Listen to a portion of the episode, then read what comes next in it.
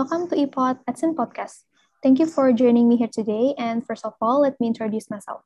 My name is Karisa, and every Thursday, Adsen Podcast available only on Spotify. Halo, selamat datang Mas Arief, dan terima kasih sudah menyempatkan diri untuk hadir di sini bersama saya di episode ke-9 dari iPod Adsen Podcast.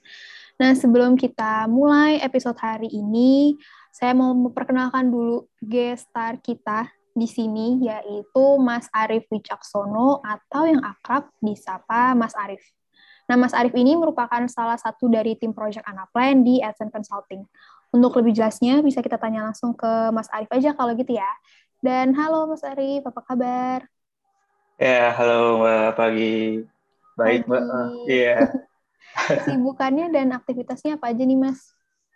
Oke, kalau sekarang sih uh, masih support-support buat uh, project ya. Mm-hmm. Uh, selain itu juga kita ada beberapa project yang mau masuk. Nah, itu kita lagi uh, prepare juga untuk itu. Oke, okay, berarti ada yeah. mau ada upcoming project nih ya Mas baru lagi. Iya, yeah, betul.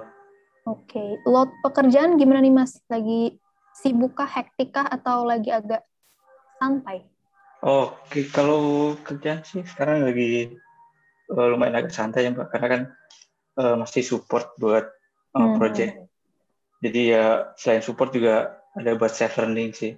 Jadi buat isi apa ruang hmm. uh, explore-explore anak plan gitu. Oke, okay. mm-hmm. nah mungkin um, introduction dulu nih, mungkin bisa dijelasin Mas Arif ini udah berapa lama di tim project anak plan ini gitu dan so far kayak uh, kliennya mungkin yang udah sempat dipegang, sempat disupport itu apa aja? Oh, Oke, okay. kalau di AdSense sendiri sih itu udah sekitar hampir tiga tahun ya dari Januari 2019. Hmm. Uh, jadi dulu masuk awal AdSense itu MT manajemen trend. Nah dari MT baru masuk ke project. Nah, kalau projectnya sendiri itu sih uh, udah dari mulai project pertama kali itu Mei 2019. Okay. Nah, sampai sekarang. Mm -hmm.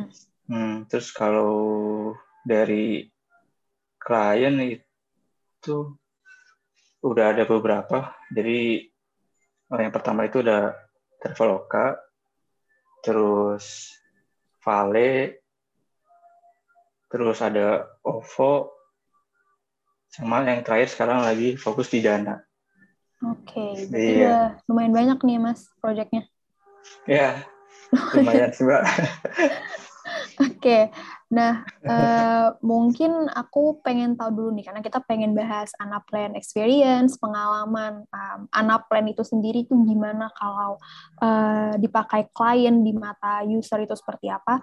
Mungkin aku pengen tahu dulu sih Mas dari yang paling simple, yang paling basic gitu. Memang sebenarnya pain atau problem apa sih yang paling umum disampaikan sama klien yang akhirnya coba kita bantu nih secara uh, Adsense Consulting berusaha bantu untuk menyelesaikan si problem atau pain dari klien tersebut gitu. Hmm, oke. Okay. Kalau uh, so far ya itu kebanyakan sih uh, lebih ke ini uh, reportnya terus cara mereka untuk uh, menganalisa data karena kan uh, selama ini tuh dari mereka terkadang kesulitan nih buat uh, ngumpulin data atau kayak um, konsolidasi reportnya. Jadi mereka harus ngambil dari file A, file B, nah itu nanti digabung jadi satu. Nah okay. terkadang kan kalau kita uh, gabung antar file seperti itu kan uh, human errornya agak cukup besar. Nah itu hmm.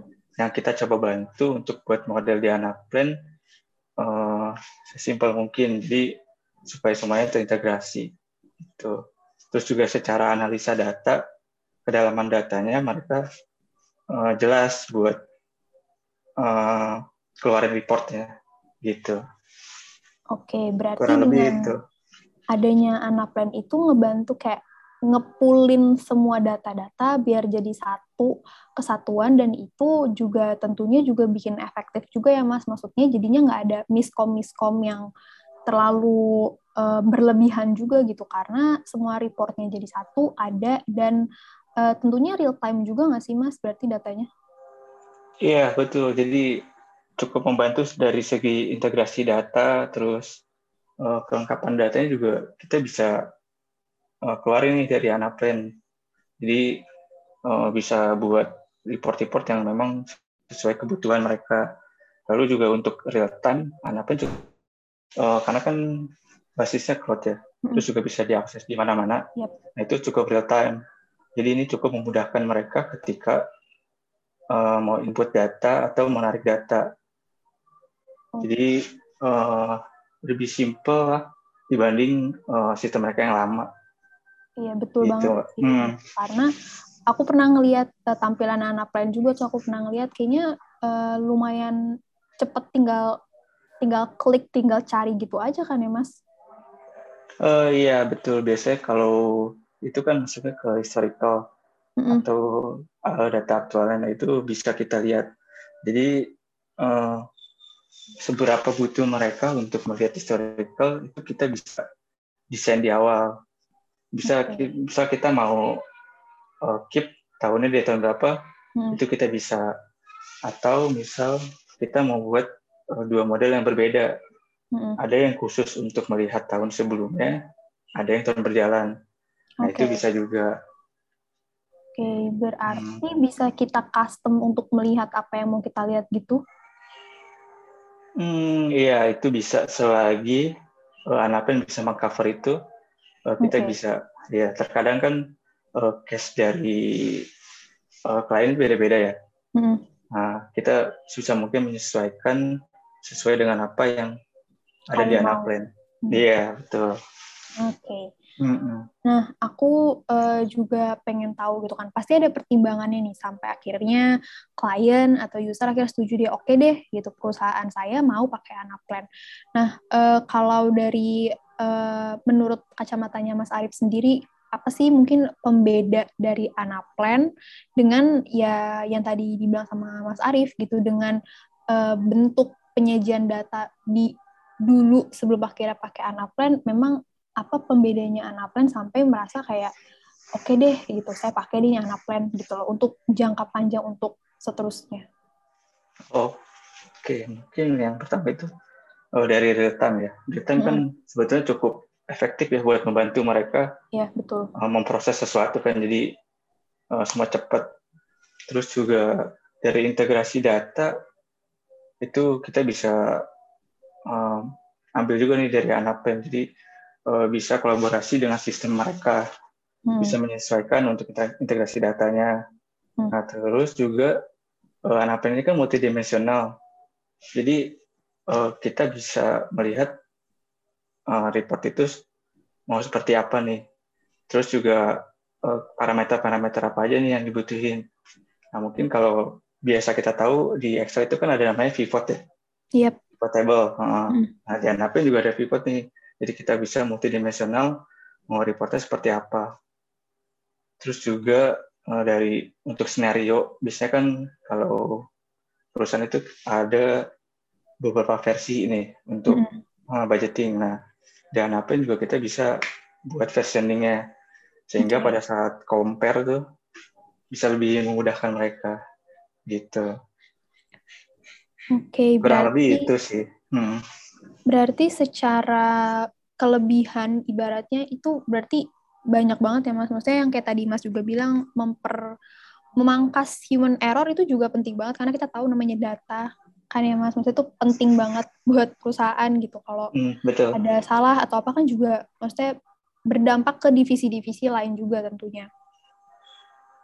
Nah, Uh, mungkin juga aku pengen tahu emang before after dari penggunaan Anaplan yang mungkin mereka rasakan itu apa sih mas gitu selain tentunya masalah efektivitas waktu gitu memang uh, apa mungkin uh, afternya atau sesudah menggunakan Anaplan yang mereka merasa kayak aduh kenapa nggak dari dulu ya saya pakai Anaplan gitu kalau after sih ya dari mereka ya so far mm -hmm. tuh uh, mereka lebih uh, puas ketika mau menjadikan data ke atasan mereka. Jadi okay. karena kan kita secara data pun sebetulnya di Anapin udah ada nih hmm. di belakangnya kan dari kalkulasinya sampai ke report akhirnya itu ada. Nah, dari mereka sih so far cukup membantu nih ketika kita mau uh, cari data di level apa nih karena kan sebetulnya udah ada di belakangnya jadi itu cukup memudahkan mereka ketika mau menyajikan ke entah itu si level atau CFO mereka. Okay. Nah, ya jadi secara data bisa lebih lengkap dan lebih cepat mereka menyajikannya. So far itu yang selama ini uh, klien suka bilang ya. Mm. Tapi terlepas dari itu juga masih ada beberapa improvement yang coba di enhance sih. Okay. Karena kan hmm, karena kan sistem nggak belum tentu sempurna gitu kan langsung sempurna. Hmm. Pasti ada beberapa perubahan untuk menyelesaikan nah itu. Kadang mereka ada improvement-improvement yang memang diperlukan. Tapi so far sih udah cukup puas selama ini. Oke. Okay. Mm -hmm. Nah, aku juga pengen tahu uh, kalau life cycle mungkin iya life cycle kali ya dari hmm. mulai hmm. uh, pengerjaan itu kalau dari menurut Mas Arief sendiri berapa lama sih Mas? Apakah selama itu kayak bisa berbulan-bulan atau tergantung juga nih sama banyaknya data yang mereka sajikan ke kita untuk akhirnya kita olah segala macam itu berapa lama sih Mas? Oke kalau project sih ya hmm. oh, selama ini tuh paling kita minimal itu enam bulan Oh, lama juga ya? hmm, ya? Iya, karena kan oh, per okay. pertama kita harus requirement nih. Hmm. Requirement, terus terkadang kan data dari mereka pun uh, masih kurang rapi ibaratnya. Iya. Nah itu kita harus kolaborasi nih. Mm-mm. Apa yang diperlukan dari anak plan, lalu apa yang diperlukan dari mereka. Yeah. Sehingga ketika kita mau narik data atau kita membuat desain, nah itu sesuai nih dengan mereka. Nah, selama ini tuh yang menjadi kendala adalah ketika uh, data mereka kurang lengkap. Oke. Okay. Iya. Berarti kalau misalnya uh, datanya kurang lengkap, berarti mau nggak mau mesti kayak mereka tuh cari lagi dulu nggak sih, Mas? Di data mereka punya untuk akhirnya kasih ke kita nih untuk kita bantu kerjain gitu. Iya, betul. Okay. Jadi dari mereka kan biasanya ada tim IT mereka nih mm-hmm. yang buat uh, menyelesaikan data. Nah itu kita uh, kadang meeting nih untuk menyelesaikan, oh ternyata ada data ini yang kurang lengkap, atau misal ada data B yang ke double. Mm-hmm. Nah itu kita harus menyelesaikan karena kan uh, dengan adanya apa itu diharapkan membuat mereka efektif mungkin kan. Yeah, Jadi supaya uh, mengurangi aman error, terus um, secara data pun uh, rapih gitu. Nah terkadang gitu sih yang buat lama, mbak. Oke. Hmm. Berarti mungkin dong mas, kayak misalnya udah nih, udah selesai, udah go live gitu. Tapi uh, kayak eh uh, mereka kayak bilang ke kita atau mungkin ada nanya kok yang ini uh, ini sih kok yang ini nah kayak error-error sedikit kayak gitu mungkin gak sih kayak Mas Arief tanganin gitu setelah udah go live kayak gitu oh itu ada pasti kan hmm. kalau misalkan udah go live itu kan um, ada nih ketahuan kayak misalkan oh ternyata formula yang di model A nggak jalan atau ada hmm. kalkulasi yang salah nah itu kan Nah, kita coba perbaiki. Terus juga biasanya kalau live kita ada namanya support. Jadi support itu kita dua kali period mereka closing atau budgeting. Nah, kita support tuh di situ kekurangannya apa. Tapi uh, yang kita tangani itu yang minor-minor. Okay. Bukan yang um, kayak perubahan flow atau ini flow-nya hmm. salah. Nah, itu biasanya masuk ke fase berikutnya. Oke. Okay. Ya, karena kan kalau perubahan uh, flow tersebut kan eh, nggak sesuai sama requirement awal kan. Mm-hmm, iya betul. Nah, jadi maksudnya ke fase berikutnya. Tapi kalau kita support biasanya lebih ke oh, misalkan tampilan report ini harusnya kayak gini. Selagi mm. bisa kita tanganin terus formula atau kalkulasi. Kurang lebih itu sih biasanya kalau udah after go live ya. Iya. Mm-hmm. Dan aku juga uh, mau tahu kalau tampilan di Anaplan dashboard segala macam itu sebenarnya bisa kita bisa uh, klien yang minta atau memang kayak udah udah tampilannya kayak gitu gitu. Oh, oke. Okay. Kalau tampilan model itu emang udah kayak gitu. Kita nggak bisa custom Oke. kayak kita bikin website kan. Kalau bikin Iya, website iya. kita bisa custom nih di atas mau warna apa, samping apa. Nah kalau di Unaplan itu nggak bisa. Tapi yang bisa kita lakuin adalah uh, pivot table-nya, tampilannya seperti Hmm. apa, urutannya, uh, Oke. story dari dashboard itu mau kayak gimana nih. Karena kan di Unaplan tadi yang saya bilang di awal, dia cukup multidimensional. Jadi Hmm. enak nih kita bisa atur untuk uh, tampilannya seperti apa. Paling itu yang bisa kita buat untuk di dashboard. Oke. Mm-mm. Berarti untuk eh, dashboardnya bisa yang bisa diubah mungkin sebatas itu ya mas gitu. Kalau untuk keseluruhannya tentunya nggak bisa gitu. Iya, betul. Kita nggak bisa customize sejauh itu sebetulnya untuk dashboard. Oke deh. Mm-mm. Ini juga eh, pertanyaan yang aku pengen tahu juga karena kan eh, kita tahu bahwa Anaplan ini kan cloud based technology ya mas. Maksudnya semuanya tuh Mm-mm. secara keamanan ya semua semua tuh di cloud kayak gitu. Nah aku mau tahu kalau untuk masalah keamanan itu sebenarnya bisa jadi concern juga nggak sih mas? Kayak masalah keamanan tuh jadi problem nggak sih gitu kayak apakah ini aman atau apakah ini gimana gitu? Oke, kalau keamanan ya, cloud menurut saya cukup aman sih. Karena kan uh, kita pertama kita bisa kerja di mana-mana, Mm-mm. jadi nggak perlu install aplikasi, nggak perlu um, di tempat tertentu, jadi kita bisa di mana-mana. Terus kedua juga uh, di Anaplan itu kita bisa backup model dan archive model. Oke. Kita uh, bisa nih, misalkan ada versi 1, versi 2, versi 3, kita bisa backup dan juga archive. Jadi kalau misalkan nanti mereka mau lihat, kita bisa munculkan nih model yang lama. Uh, selain itu juga uh, di Anaplan itu ada namanya story. Mm-mm. Nah, jadi ketahuan nih track recordnya siapa aja nih yang ngerjain. Terus kalau misalkan ada perubahan di modul A, siapa yang melakukan perubahannya. Oh kayak gitu Itu- tuh bisa ke track gitu mas? Iya, bisa Mbak. Oh, Jadi Oke. ki- Biasanya kita ngelakuin itu, biasanya kan nggak ada klien yang bilang, kok mas, eh, angka ini berubah ya? Nah itu kita Mm-mm. lihat tuh di story-nya siapa yang melakukan perubahan, hari apa, jam berapa. Oh Jadi kita gitu. bisa lakukan di situ. Terus juga kita bisa eh, rollback versinya, misalkan eh, lagi sekarang udah kita nggak ngerjain yang A nih, eh yang C, tapi kita mau balik ke A. Nah itu Mm-mm. bisa, Oke berarti bisa- bisa- bisa back to back gitu ya?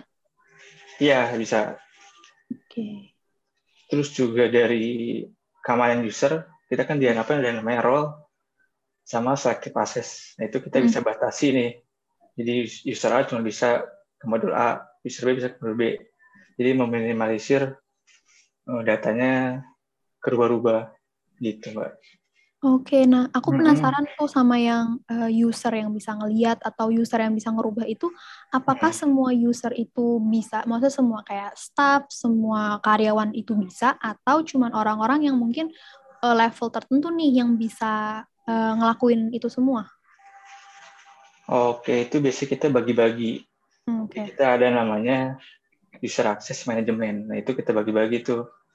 Misalkan saya sebagai apa role-nya, terus. Mbak Ica sebagai apa. Nah, itu kita bisa setup di Anaplan. Jadi eh, semua udah teratur tuh, udah punya bagiannya masing-masing. oke, Jadi nggak akan bisa lihat eh, model-model lain atau data-data dari user lain. Nah, Oke, berarti Mm-mm. kayak nggak bisa gitu ya kita main lihat eh, divisi ini, pengen kepo ini, berarti nggak nggak boleh juga gitu ya mas, nggak bisa. iya betul. Oke. Mau iseng gitu kepo atau Iya. apa gitu ya, nggak nggak bisa. Oke, berarti ya Iya. hitungannya aman banget ya Mas. Maksudnya nggak akan terjadi error yang kayak gitu, yang overlapping yang kayak gitu ya. Iya, semua bisa dibatasi. Apalagi kan ada history juga kan, jadi kita bisa track deh. Iya, betul. Betul. Jadi bisa bukti kalau eh, ada sesuatu yang salah bisa kita perlihatkan gitu. Oke, Mm-mm. bener ya. Berarti masalah keamanan ini udah terjamin lah ya menggunakan Anaplan ini gitu. Iya, betul Mbak. Udah gitu kan kalau misalkan ada sesuatu kita bisa kontak ke anak yang support ya. Oh iya, benar-benar. Hmm. Jadi nanti mereka yang membantu kita. Oke. Nah, uh, kita tahu juga ya kalau Anaplan ini kan untuk planning dan budgeting nih, Mas. Berarti mm -hmm. aku pengen tahu, berarti uh, bisa ngebantu untuk forecasting juga kan ya? Hmm, iya, bisa. Itu bisa membantu sekali sih. Jadi yang seperti saya bilang di awal tadi, Mbak, jadi kan ketika kita mau forecasting, terkadang kan klien punya beberapa versi. Mm -hmm. Untuk compare antara misalkan original budgetnya berapa dia mau compare dengan forecasting mereka mm-hmm. itu cukup membantu sih terkadang pernah waktu itu ya mm-hmm. ada satu klien yang misalkan mereka budgeting atau forecastingnya um, seminggu mm-hmm. dengan menggunakan Apple itu bisa 4 sampai tiga hari okay. jadi cukup membantu terus yeah. juga oh iya dari mereka juga mengakui kalau Anapen powerful untuk mereka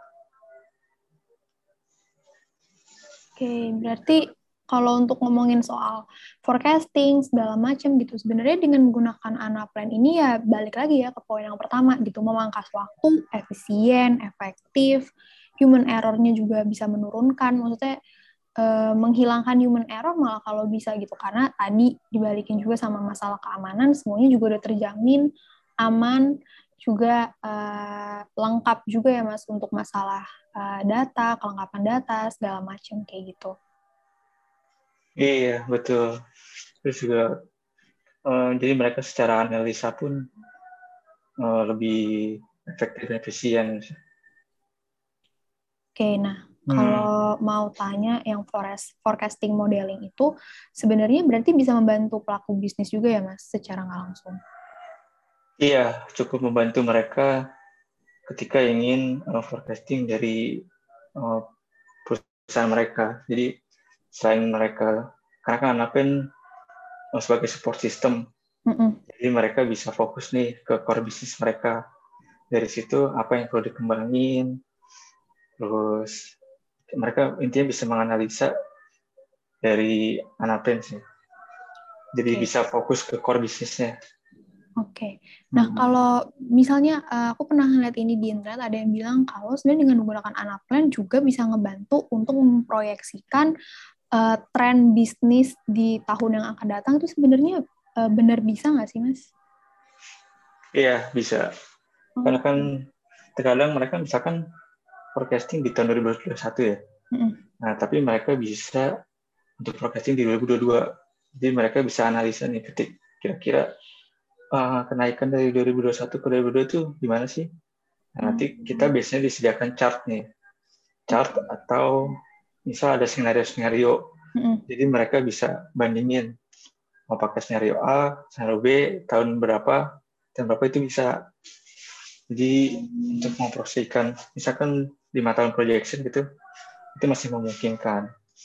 Oke, nah e, karena tadi bisa ngebantu juga nge-forecast, nge ngeproyeksiin juga, dan ada juga skenario-nya untuk ngebantu ke depannya mau kayak gimana, berarti pengguna dari Anaplan itu apakah perusahaan yang udah besar banget atau sebenarnya balik lagi ya kayak startup yang baru merintis, kayak misalnya uh, coffee shop coffee shop itu sebenarnya bisa juga tuh pakai Anaplan. Um, biasanya untuk Anaplan ini lebih ke startup sih Oh gitu. Iya, karena kan mereka cukup membayar uh, harus membayar lisensi juga. Mm-hmm. Biasanya kalau coffee shop itu atau kayak uh, makanan-makanan ringan gitu ya tempat makan mm. itu jarang sih. Biasanya lebih ke startup yang uh, udah mulai gede nih. Yep. Hmm, karena kan uh, secara uh, dana pun cukup besar nih untuk lisensi yeah. anak Nah jadi betul, betul. Uh, uh, jadi mereka yang kadang startup juga terus juga ada perusahaan-perusahaan lama mm-hmm. yang menggunakan anak plan jadi biar lebih firm nih terkadang kan kalau startup kan dia belum tahu nih polanya mau kayak gimana kan mm-hmm. agak susah buat kayak mereka uh, forecasting atau budgeting di tahun berikutnya uh, menurut saya itu kalau pakai anak plan cukup membantu nih mereka ketika mau membentuk uh, polanya seperti apa sih untuk mendapatkan return yang lebih misalkan di tahun depan gitu kan dia cukup membantu sih dan hmm. berarti penggunaan Naplan ini semua industri juga ya mas, gak harus misalnya fintech aja, communication aja, logistik juga bisa ya F&B kayak gitu. Hmm, iya bisa. Oke. Okay. supply barang pun bisa kalau nggak salah ada salah satu klien kita yang supply barang bisa terus juga kayak misal uh, sales dan marketing juga bisa Hmm, hmm, hmm. hmm. Jadi nggak menutup kemungkinan hanya di satu sektor aja penggunaan apa yang gini gitu ya? iya betul jadi kan kalau misalkan satu sektor misalkan di sektor lain bisa kita bisa gabungin tuh di satu model Oke, berarti Mm-mm. bener banget ya gitu karena eh, anak plan ini emang bisa dibilang kayak sangat-sangat membantu para pelaku bisnis, pengusaha, perusahaan juga bisa banget terbantukan dengan eh, menggunakan anak plan ini itu. iya cukup membantu Oke deh, Mm-mm. Mas Arief, terima kasih banyak atas waktunya. iya mbak tertarik untuk di Anapen Aduh, pengen pengen Mas. Cuman belajarnya belajarnya susah nggak sih Mas? Maksudnya eh, kita tahu nih aku bukan background dari teknik kan gitu. Sebenarnya Hmm. belajar kayak gitu tuh susah nggak sih? Atau mulai dari nol sebenarnya belajar kayak gitu? Em, kalau dibilang susah atau enggak relatif ya Iya. Nah, kalau dari mulai dari nol mungkin wajar karena kan kita pasti harus belajar dulu nih fitur-fitur apa sih yang ada di Anapen, terus cara kerjanya gimana. Nah, sebenarnya yang terpenting itu kita mau explore sih. Jadi, Iya, bener. eh, ya- jadi nggak stuck di situ aja kita, karena kan bukan ilmu pasti ya, Iya. berubah-ubah terus. Heeh. Oh, jadi eh, apa namanya, pengen tahuannya itu harus menurut saya itu yang paling penting. Oke. Oh iya, ini Mm-mm. mungkin eh, pertanyaan terakhir. Ah, Eh, ya. aku pengen tahu sebenarnya eh, gimana sih mungkin ya eh, menjadi seorang tim project ini based on Mas Arief sendiri experience-nya. Kalau menurut Mas Arief itu menjadi seorang tim project itu nilai apa sih mungkin bukan skill ya, tapi sesuatu apa yang harus eh, dimiliki oleh tim project gitu. Karena tadi yang Mas Arief bilang harus penasaran juga kan ya sama Iya. perkembangan gitu, apa yang terjadi gitu. Waduh, pertanyaannya. Eh, apa ya? Yang pertama sih, yang pasti mau belajar terus ya. Mm-mm. Mau explore ya. Ya, mau explore, terus bisa kolaborasi. Terus juga yang terpenting itu jangan gini sih, jangan gampang baper. ya, Berarti- karena kan Ada nih pengalaman-pengalaman. pengalaman banyak sih, cuman ya itu pokoknya terkadang kan kalau misalkan kita gampang baper nih, atau kita takut salah kan jadinya susah nih buat misalkan ketemu klien atau Hmm, iya evaluasi diri kan susah. Itu sih. Oke, karena Sampai- juga kita tahu ya kalau misalnya uh, namanya project berurusan sama klien, pasti kan namanya klien mau ini mau itu dan kita juga pasti berusaha untuk um, memenuhi kebutuhan si klien tersebut agar sama-sama enak gitu ya mas. Iya, betul. Terus juga sebisa mungkin apa ya? Eh, problem solving sih. Hmm, Oke, problem Hmm. solving ya. Iya, karena kan kita sebagai konsultan ya. Mm-mm. Jadi mau nggak mau kita harus bisa mungkin ngasih solusi yang benar-benar efektif nih buat mereka. Iya. Gitu. Oke deh, berarti itu benar-benar pertanyaan terakhir dari aku. Iya, Terima kasih banyak Mas Arief atas waktunya. iya, sama-sama Mbak. Nah, itu dia episode kita ke-9 hari ini bersama dengan Mas Arief dari tim project Anaplan Adsen Consulting.